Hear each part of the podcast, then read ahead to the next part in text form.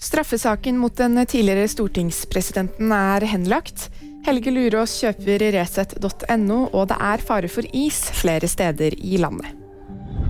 Straffesaken mot Eva Kristin Hansen er henlagt. Eva Kristin Hansen er svært letta over at det nå er fastslått at hun aldri har krevd eller fått goder fra Stortinget som hun ikke hadde krav på, og at straffesaken mot henne nå er avsluttet som intet straffbart forhold. Det sier hennes advokat Jon Christian Elden. Det var i november i fjor at Hansen sa at hun hadde misforstått pendlerreglene. Bare noen dager etter at saken ble kjent, trakk Hansen seg som stortingspresident. Helge Lurås kjøper Resett.no. Forrige uke slo den omstridte nettavisen Resett seg selv konkurs og varslet at de legger ned. Tirsdag denne uken skrev journalisten at nettdomenet resett.no hadde blitt kjøpt etter en budrunde på konkursboet til Grafen AS.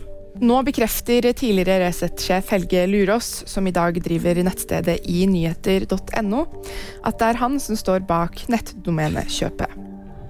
Det er fare for is flere steder i landet. Meteorologisk institutt melder om dette for deler av Østlandet, deler av Trøndelag, Helgeland og Sør-Salten. På Østlandet blir det verst utover ettermiddagen og i kveld. Veitrafikksentralen oppfordrer til å beregne ekstra tid til transport og kjøring, senke farten og være oppmerksom. VG-nyheter fikk du av meg, Ingrid Alice Mortensen.